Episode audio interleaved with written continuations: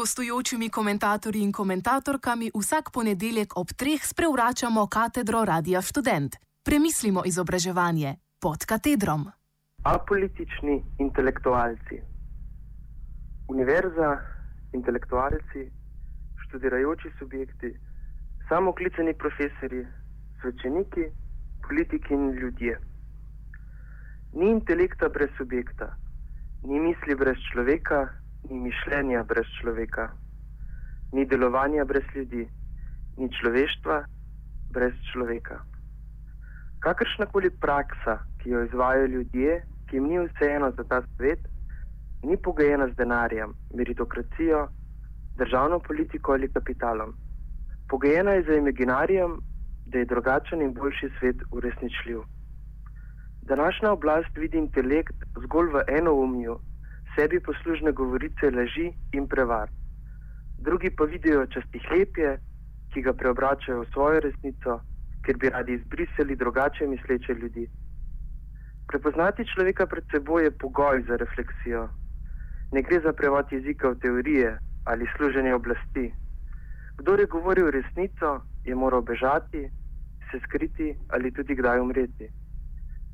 Kako nekaj povedati je samo v tem, da se to uresniči. Odgovornost povedati resnico ali kritiko je v tem, da je kolektivna.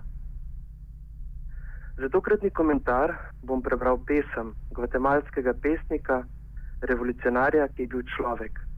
To je Oto Rene Castillo, ki so ga oblasti živega zažgale, ker se je uprl diktaturi in povedal resnico. Naslov pesmi je Apolitični intelektualci. Nekega dne bodo apolitični intelektualci moje dežele zaslišani od preprostih ljudi našega ljudstva. Vprašali jih bodo, kaj so naredili, ko je njihova domovina počasi umirala, kakor sladek ogen, majhen in osamljen.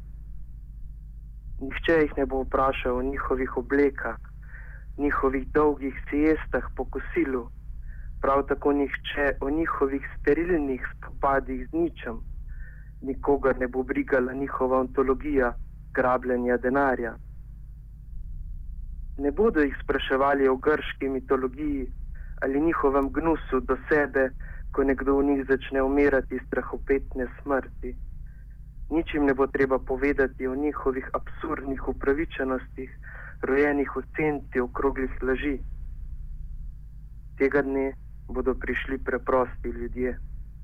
Ti, ki niso imeli nobenega mesta v knjigah in pesmih apolitičnih intelektualcev, a so jim dnevno prinašali kruh in mleko, jajca in tortilje, ki so jim šivali obleke, ki so vozili njihove avtomobile, ki so skrbeli za njihove pse in vrtove in delali za njih.